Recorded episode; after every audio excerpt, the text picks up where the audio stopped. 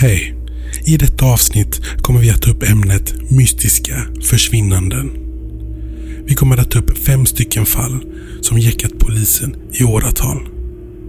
Vi har hittat dessa fall på en svensk sajt som heter Mysteriebloggen. Och faller minst sagt in i vår podcast. Så höj volymen på era apparater och lyssna noga och bered er på en resa in i det oförklarliga som ni sent kommer att glömma. Mitt namn är René Alexander och du lyssnar på Mysteriet.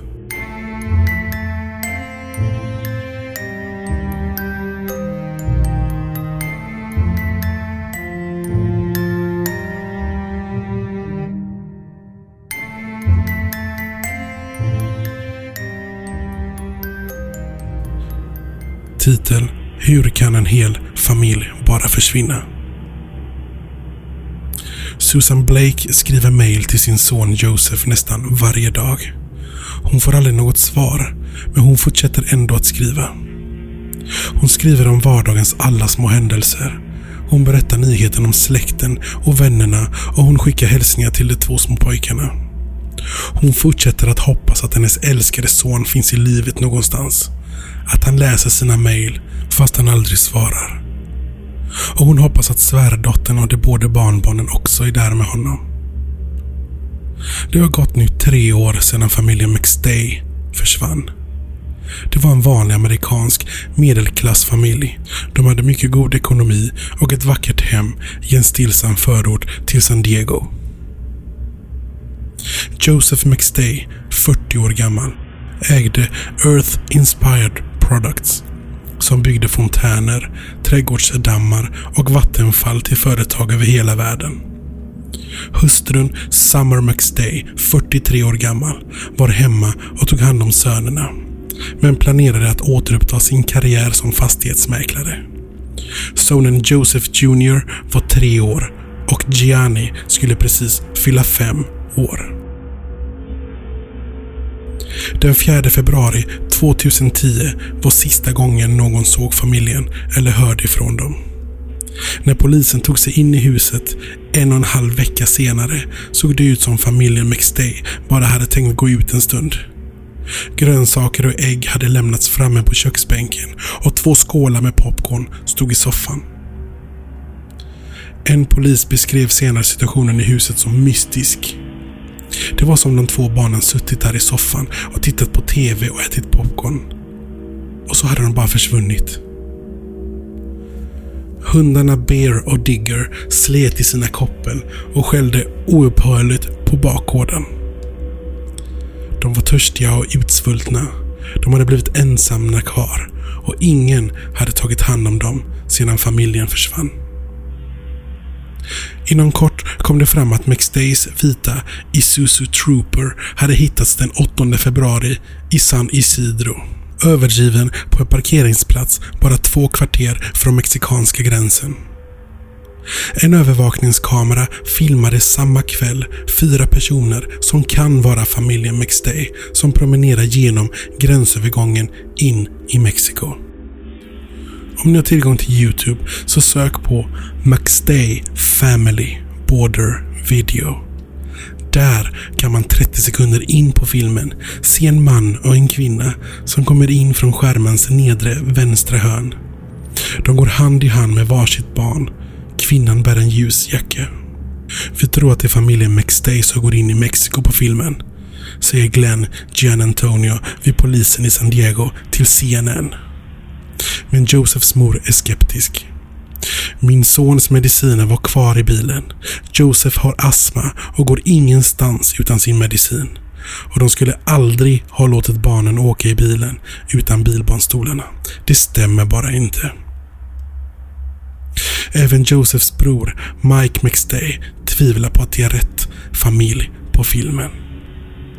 Storleken på barnen stämmer, men det är det enda. Det är omöjligt att se hur de vuxna ser ut. Det kan vara vem som helst. Och om det nu är min bror och hans familj så vet ju inte varför de går över gränsen. Vi vet inte om de gick frivilligt eller om de var tvingade. Och var finns de idag? Någon måste ju veta. Någon måste ju se dem. De har två barn. De måste handla mat. De måste tjäna pengar på något sätt, säger brodern. Fallet med familjen McStay är mystiskt och motsägelsefullt på många sätt. Joseph och Summer var laglydiga medborgare och polisen säger sig inte ha hittat några oegentligheter i familjens affärer.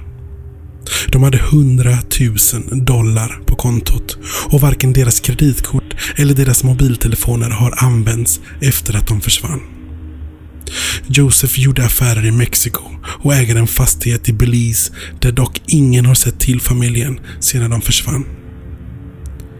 Summers familj tillhör den spansktalande minoriteten, även om hon ska ha velat fjärma sig från identiteten som hispanic.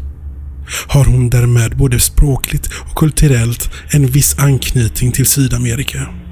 Så familjen har klara band till den del av världen som finns på andra sidan den mexikanska gränsen. Å andra sidan ska de enligt släkt och vänner ha visat en uttalad motvilja mot Mexiko. När Josef gjorde sina affärsresor tog han aldrig med sig familjen. De tyckte att det var för farligt att ta dit barnen. Familjen hade inga pass med sig när de försvann. Föräldrarna låg hemma och barnen hade inga. Men någon hade använt familjens dator för att kolla passregler för barn som reser i Mexiko en tid före försvinnandet. Familjen McStay höll alltid tät kontakt med släkt och vänner. Om de planerat en resa skulle de ha berättat. I alla fall för Josephs 12-åriga son från ett tidigare förhållande. Vad kan ha hänt som fick familjen att bara lämna hemmet, företaget och hundarna, sätta sig i bilen och åka till mexikanska gränsen för att där dumpa bilen och utan bagage promenera in i Mexiko och försvinna? Om det nu var så det gick till. I boken No Goodbyes The Mysterious Disappearance of the McStay Family presenterar författaren Rick Baker en egen teori.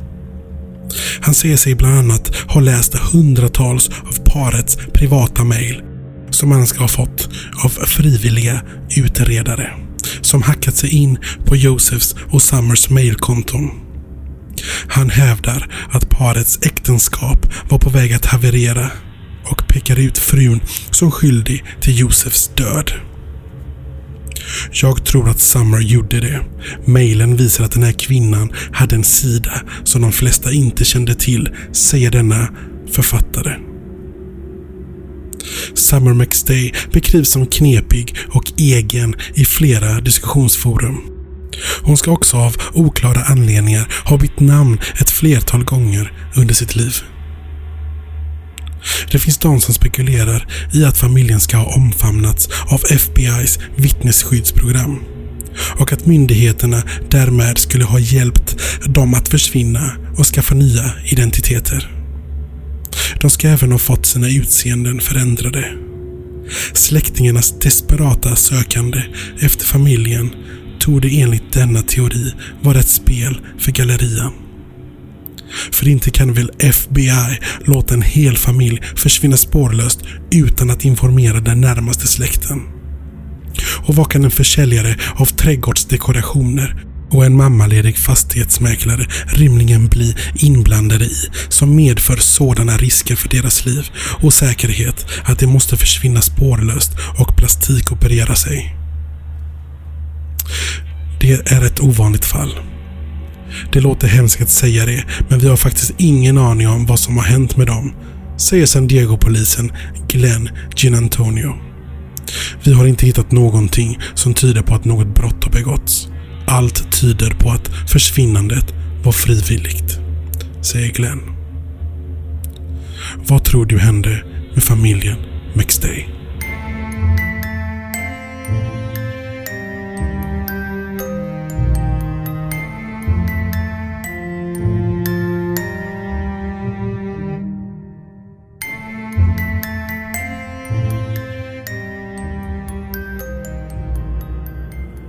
Nu har vi kommit till podcastens andra berättelse med titel Pia, 15 år.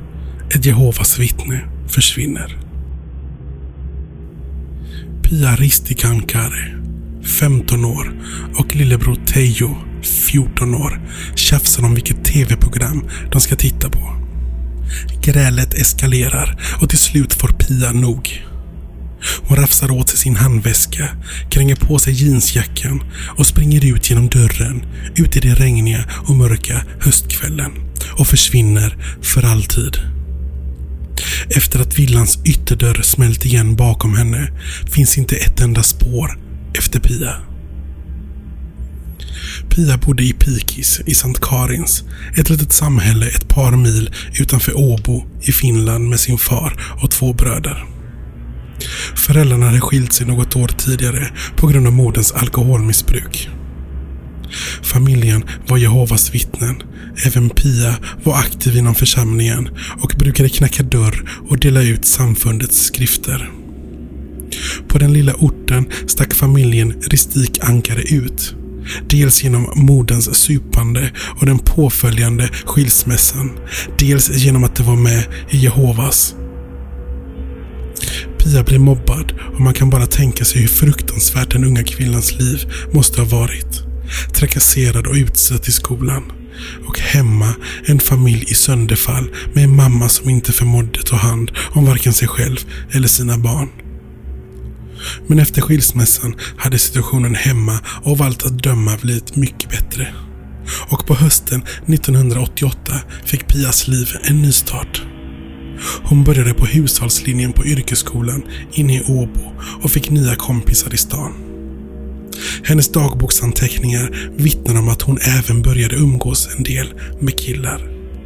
Kanske var det bara oskyldiga svärmerier. Kanske rörde det sig om förhållande på en annan nivå. Kanske kan en eventuell hemlig pojke vara den som ligger bakom Pias försvinnande. Det var fredagen den 7 oktober 1988 Pia och väninnan Tina hade bestämt att Pia skulle tillbringa helgen hemma hos Tina i Pemar, ungefär en mil hemifrån. Pia tvingades dock ändra sina planer eftersom hennes far skulle arbeta på lördagen. Då måste Pia passa sin lillebror Kalle som är tre år gammal. I finska Yles program Kadonet, som betyder de försvunna, säger pappan att familjen han skulle hjälpa med en renovering senare meddelar att han kunde ta med sig lillpojken och att han då gav Pia lov att åka till Tina. Men då besöket redan var avbokat beslöt Pia att tillbringa fredagskvällen hemma. Pias morfar var på besök och som brukligt är i Finland eldade man bastun. Pappan och hans ex-svärfar bastade och barnen tittade på TV. Då Pias far kom ut ur bastun var dottern borta. Tejo berättade att de hade grälat och att systern rusade ut. Pappa blev inte orolig. Han utgick från att Pia hade åkt till Tina i Pemar. Först på söndagen insåg han att det var något som inte stämde. Ett telefonsamtal till Pemar gav beskedet att Pia inte hade varit där och hon dök inte upp till mötet på Rikets sal heller. På måndag morgon anmälde fadern Pia försvunnen. Ett faktum som förbryllar polisen är att det inte finns en enda iakttagelse av Pia efter att hon lämnat hemmet. Det var disco i ungdomslokalen och många jämnåriga i rörelse ute på byn. På grund av sin bakgrund var Pia välkänd på orten men ingen säger sig ha sett henne den kvällen. En teori är att Pia liftat och blivit upplockad av någon som mördade henne och gjorde sig av med kroppen. Men ingen har sett en blond flicka stå och lifta vid vägkanten. Blev Pia kanske upplockad direkt? Kanske av någon hon kände? En hemlig pojkvän kanske? Något annat Jehovas vittne? Eller någon hon delat ut tidningar till? Någon av alkoholisterna som morden umgicks med? Eller stötte hon på sina mobbare? Jehovas vittnen är ett samfund som många finländare betraktar med stor skepsism. Många tror därför att lösningen på gåtan Pia står att finna inom familjen eller inom församlingen. Om det här är ett familjedrama förutsätter det att tre generationer, morfar, pappa och lillebror agerat i samförstånd. Det är ett magstarkt scenario och den finska polisen har varit tydlig med att man inte tror att familjen är inblandad. Polisen tror inte heller på självmord eller olycka. Pia-fallet utreds som ett brott, men utredning har stampat på stället i över 20 år. I början på 2000-talet fick polisen ett brev som tände hoppet om att fallet skulle kunna lösas. Brevets innehåll har aldrig tidigare offentliggjorts, men det tog peka ut en misstänkt sexualbrottsling som vid den tiden för Pias försvinnande ska ha kört runt i området i en vit bil. Men tipset ledde inte till någon lösning. 2008 utreder den finska polisen om Anders Eklund som mördade Engla Höglund och Pernilla Hellgren och som även rör sig i Finland hade något med Pias försvinnande att göra. Utredningen blev resultatlös. I våras hittas en skalle i skogen i Pikis. Många trodde att Pia äntligen hade hittats och i forum på nätet jämförde man tänderna på kraniet med flickans skolfoto. Och visst fanns där en slående likhet. Men någon månad senare kom beskedet från DNA-analysen. Skallbenet tillhörde en äldre man som försvunnit för sju år sedan. Pia är fortfarande spårlöst försvunnen. Vad tror du hände med Pia Ristikankare?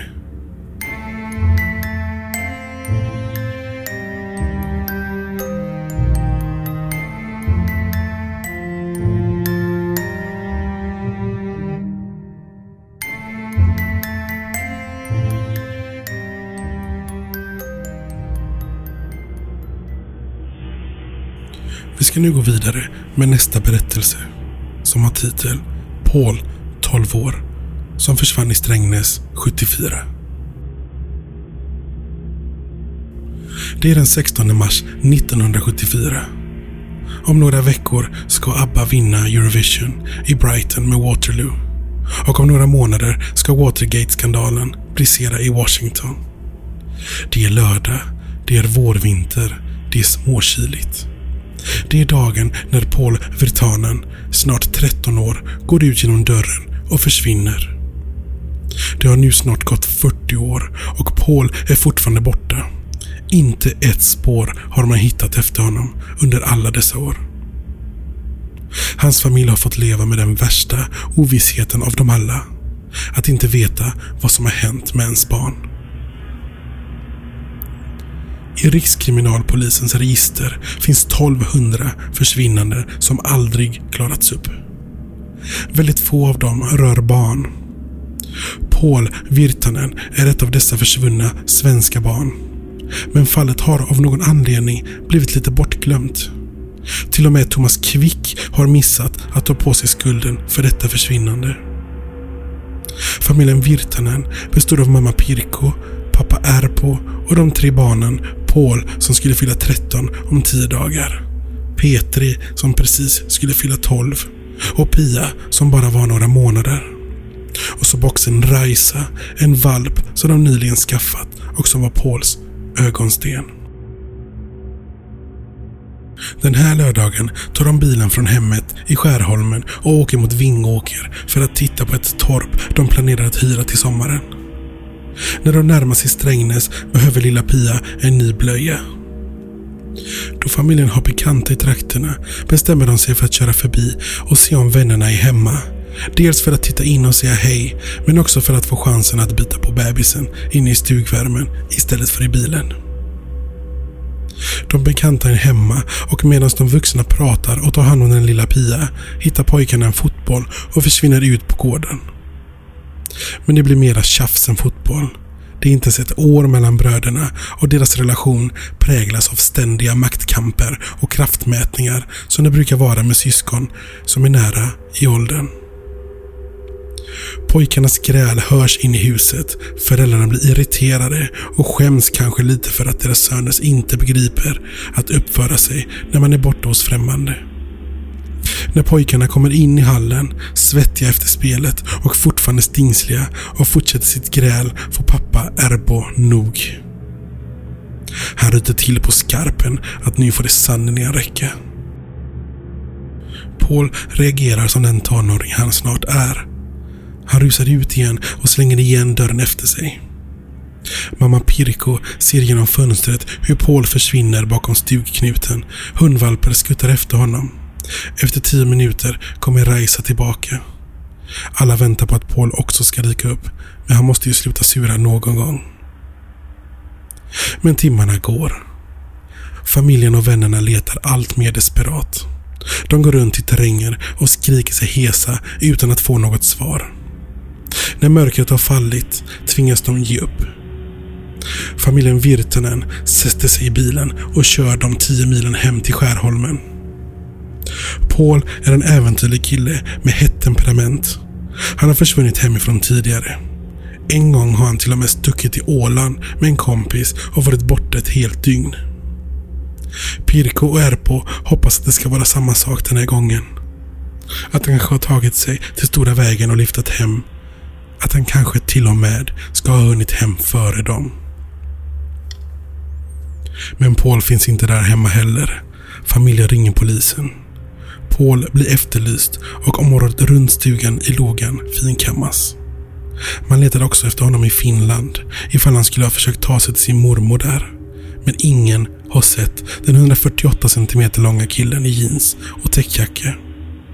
Till dags dato har man inte funnit ett enda spår efter Paul Virtanen.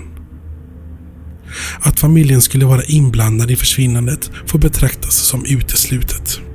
Ett sådant scenario skulle förutsätta att såväl alla i Pauls familj som de bekanta man hälsade på skulle vara med i en mordkomplott. Och det är svårt att tro på. Vi får nog utgå från att det här gick till som det har beskrivits. Gick Paul vilse i skogen och dog utav svält eller ett brott eller genom en olycka. Området där stugan ligger är beläget nära tätorten Strängnäs. Det är svårt att tänka sig att en människa skulle försvinna helt spårlöst där. Att man under alla år som har gått inte skulle ha hittat någonting. Kanske gick Paul genom isen. Stugan ligger 100 meter från Mälaren och drunkningsteorin är väl den mest sannolika. Men Mälaren är en insjö. Återigen, det är svårt att tänka sig att man inte skulle ha hittat någonting. Inte ens en sko om Paul försvunnit den vägen. Eller blir han utsatt för ett brott? Är det det som gäller? Försökte Paul lyfta hem och hoppade in i en bil där fel person satt bakom ratten. För Paul Virtanens anhörigas skull hoppas jag att det här fallet någon gång ska klaras upp. Men det har gått så många år. Troligen får vi aldrig veta vad som egentligen hände. Vad tror du hände med Paul Virtanen?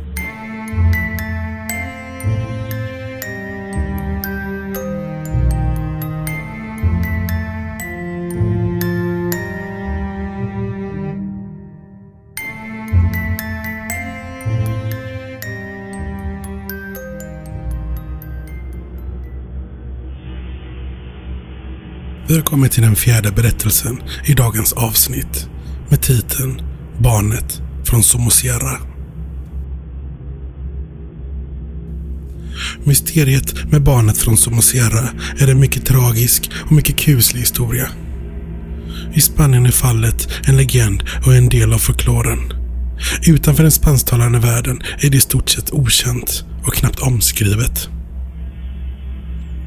Det är den 26 juni 1986 som lastbilschauffören Andres Martinez Gomes fraktar 20 000 liter svavelsyra från Cartagena vid Medelhavskusten upp till Bilbao.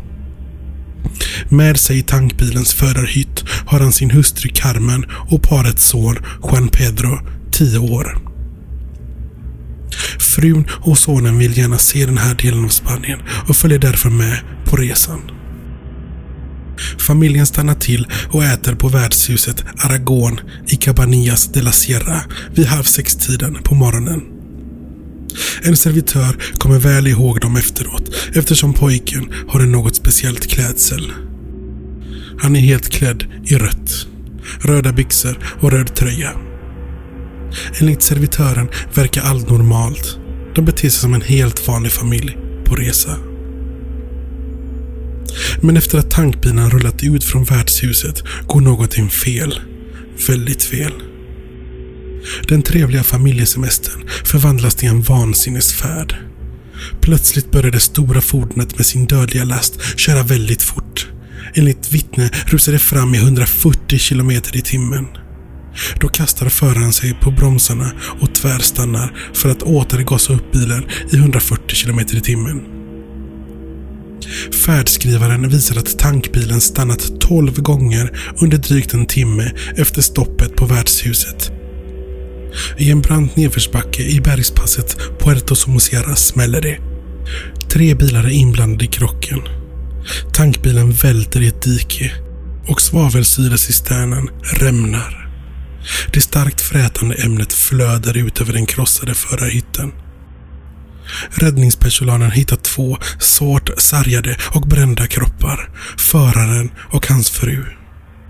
Som ni kan se på vår Instagram eller Facebook-sida så har vi där publicerat bilder som de spanska tv-nyheterna sände. Det är först när de chockade farföräldrarna undrar vart deras barnbarn tagit vägen som man inser att det funnits en tredje person i bilens förarhytt. Men det enda tecknet på att Juan Pedro funnits i bilen är en av hans skor. Pojken är borta. Först tror myndigheterna att tioåringens kropp blivit helt förintad av svavelsyran. Men enligt rättsmedicinska experter är det omöjligt. Även om en kropp under lång tid utsätts för svavelsyra blir det alltid kvar fragment av tänder och ben. Då befarar myndigheten att pojken tagit sig ur bilvraket och irrat bort sig i terrängen. Men trots skallgångar och efterspaningar och trots den enorma publicitet som fallet får i Spanien hittar man aldrig ett spår av Juan Pedro. När myndigheterna börjar förhöra vittnen blir det här riktigt kusligt. Folk längs vägen berättar om en vit Nissan Vanette, en skåpbil som kör framför tankbilen och kör på samma underliga sätt genom att omväxlande accelerera och tvärbromsa. Två bönder som vaktar sina får nära olycksplatsen berättar att en vit skåpbil stannade vid lastbilsvraket efter kraschen. Två långa, bleka personer i fotsida, vita rockar kliver ur. Hämtar ett stort bylte i lastbilshytten, lastar in det i sin bil och gasar iväg ifrån platsen. Vad var det för bylte? Var det pojken, död eller levande, som de tog med sig? Vilka var de vitklädda figurerna? Hela Spanien undrar än idag, snart 30 år senare. Fortfarande har de inte fått något svar. Juan Pedro har försvunnit från sinnevärlden och vandrat in i myterna. Under mörka, stormiga nätter sägs man kunna se en rödklädd liten pojke som promenerar ensam längs vägarna vid Somosierra. Det har spekulerats om en pedofilring eller en skum sekt som tog pojken vid värdshuset och körde iväg med honom i den vita skåpbilen. Och att pappans vansinneskörning skulle bero på att han försökte köra ifatt kidnapparna. Men varför alla inbromsningar? Om man kidnappat ett barn som är i sällskap med båda sina föräldrar borde man väl köra iväg så fort som möjligt. Inte hålla på och bromsa och gasa. Och vad gjorde i så fall kidnapparna vid den svavelsyra indränkta bilen?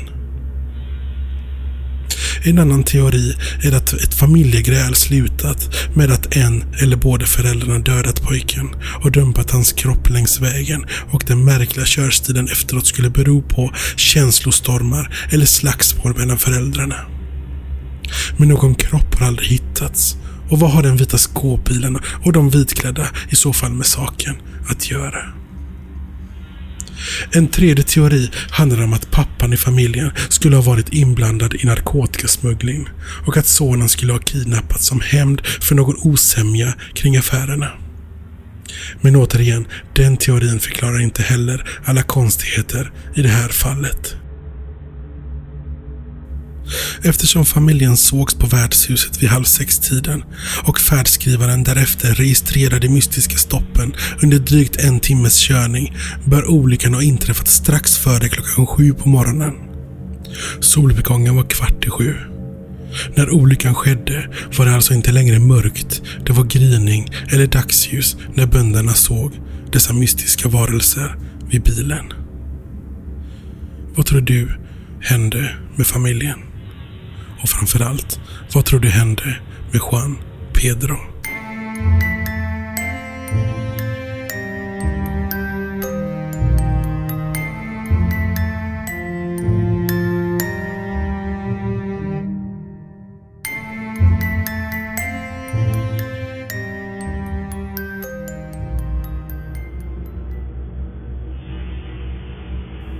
Nu har vi kommit fram till den femte och sista berättelsen i dagens avsnitt. Med titel Alvar försvann på väg till vedboden. Alvar, vill gå ut i boden och hämta ved? ropar mamma från köket. Alvar Larsson, 13 år, svarar inte. Men han kliver i träskorna och träarmarna i sin grågröna vindtygsjacka alldeles för lite kläder för att gå ut den här ruggiga morgonen egentligen. Det är bara ett par grader över nollstrecket och vinden skär genom märg och ben. Men Alvar ska ju inte långt. Vedboden ligger bara 20 meter ifrån huset. På vår Instagram och Facebook kan du se bilder som vi har lagt ut från detta fallet. Där kan du se bostadshuset i bakgrunden och vedboden i förgrunden. Alvar grabbar vedkorren i farten och går ut genom köksdörren och försvinner. Det är vid åtta tiden på morgonen den 16 april 1967 som mysteriet Alvar tar sin början. Pojken försvinner utan ett spår från familjens ödsligt belägna gård på Sirkön i sjön Åsnen ungefär två mil söder om Växjö. Fallet var enormt omskrivet på sin tid. Hela Sverige undrade vad som har hänt med Alvar och trots att vi idag vet en del av vad som hände är det fortfarande en gåta. Då Alvar gått ut ropar mamma till familjens äldsta son som är 15 att han ska stiga upp och komma ner och äta frukost. Familjens femåring är med pappa i ladugården. När Alvar inte kommer in igen börjar familjen undra. Han måste komma och äta frukost och byta till finkostymen. Han ska iväg till högmässan i Urshults kyrka som alla andra konfirmander. Först söker familjen själv runt gården. Sedan kommer grannarna och hjälper till. Och vid halv två-tiden på eftermiddagen ringer Alvars far till polisen. En skallgångskedja organiseras. Ön finkammas i en hel vecka. Det kan därmed betraktas som otroligt att pojken skulle ha förolyckats och legat död i terrängen. Stränderna och närliggande öar granskas. Sjön söks av med båtar. Ingenting. Alvar är som uppslukad av jorden. Vad kan ha hänt? Har Alvar rymt? Alvar var en mycket lugn grabb som inte tidigare hade gjort sådana här saker. Saker kan ändra sig snabbt dock i hans ålder. Men hans sparpengar och hans cykel var kvar hemma och han hade som sagt alldeles för lite kläder på sig för att vara ute i det rådande vädret. Och Alva kanske blivit kidnappad. Bilar var inte vanliga på cirkeln vid den här tiden. Alltså en främmande bil hade med största säkerhet väckt uppmärksamhet. Alvars mor sa att hon skulle ha hört om något motorfordon kommit nära gården och att kidnappa en 13-åring till fots eller på cykel låter sig inte göras. Och Alvar kanske drunknat. Hemgården ligger en kilometer från vattnet och öns stränder är långgrunda. Alvar kunde inte simma och han var rädd för vatten. Olycksteorin förutsätter att pojken, som bara hade en timme på sig innan han skulle vara redo för kyrkan, i träskor och vindjacka, hade valt att gå en kilometer i den isande vinden för att på något sätt ha tagit sig ut på sjön för att där ramla i vattnet och drunkna. Om Alvar halkat vid strandkanten och slagit i huvudet och drunknat skulle hans kropp ha hittats. Dagar och månader blev till år utan ett spår av Alvar. 1978 öppnades en grav i Munkarp efter att en kvinna tipsat polisen om att en släkting till henne hade gömt Alvars kropp där. Släktingen skulle haft den döda Alvar gömd vid ett sommarhus i två år och när en annan äldre släkting begravdes skulle mannen ha gömt Alvars kropp under granriset i botten på den uppgrävda graven. Pressuppbådet var enormt vid gravöppningen, men man grävde förgäves. Tipset var falskt. Efter 15 år kommer så till slut den grymma bekräftelsen på allvar. Att Alvar mötte döden i alldeles för unga år.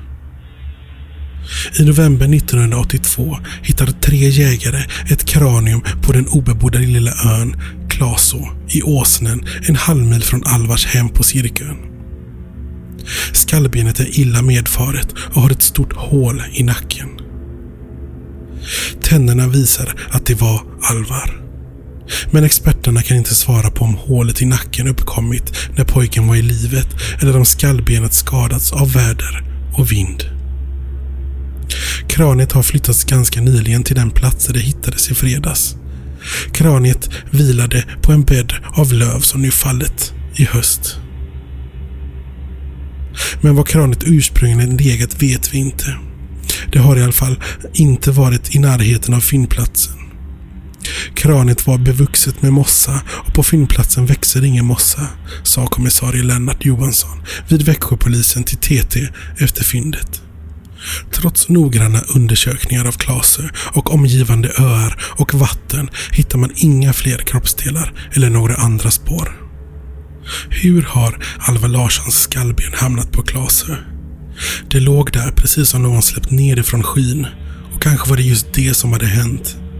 En teori är att kroppen legat någonstans på land och sönderfallit och att en stor rovfågel tagit det mossbelupna kraniet i sina klor och släppt ner det på Klasö. Alternativet att kraniet placerats där av en människohand är fruktansvärt makabert. Men kriminalhistorien har många exempel på mördare som flyttat runt sina offer och delar av dessa i åratal efter döden. Har kraniet kommit dit av naturens krafter som vågor och isar och vind, kanske med hjälp av vilda djur? Det förutsätter att kroppen först legat på land en längre tid. Tillräckligt länge för att brytas ner tills bara skelettet återstår och för att kraniet därefter ska hinna bli mossbevuxet. I något skede ska kraniet ha lossnat från kroppen för att senare hamna i vatten och föras i land på Klasö. Och det kan vad jag förstår inte ha legat i vattnet speciellt länge eftersom mossan fanns kvar. Jag vet inte om en sådan nedbrytning och förflyttning land-vatten-land rent praktiskt kan ske på 12 år. Men det känns som en väldigt komplicerad händelsekedja. Det är de tre alternativen vi kan se. Fågel, människa eller naturkrafter. Vilket som är mest troligt, det kanske ni vet bäst. Och var finns resten av kroppen? Har huvudet lossnat av naturliga orsaker eller har pojken blivit styckad? Vad hände egentligen med Alva Larsson? Detta var den sista berättelsen från podcasten Mysteriet. Tack för att ni har lyssnat. Mitt namn är René Alexander. Vi hörs snart igen.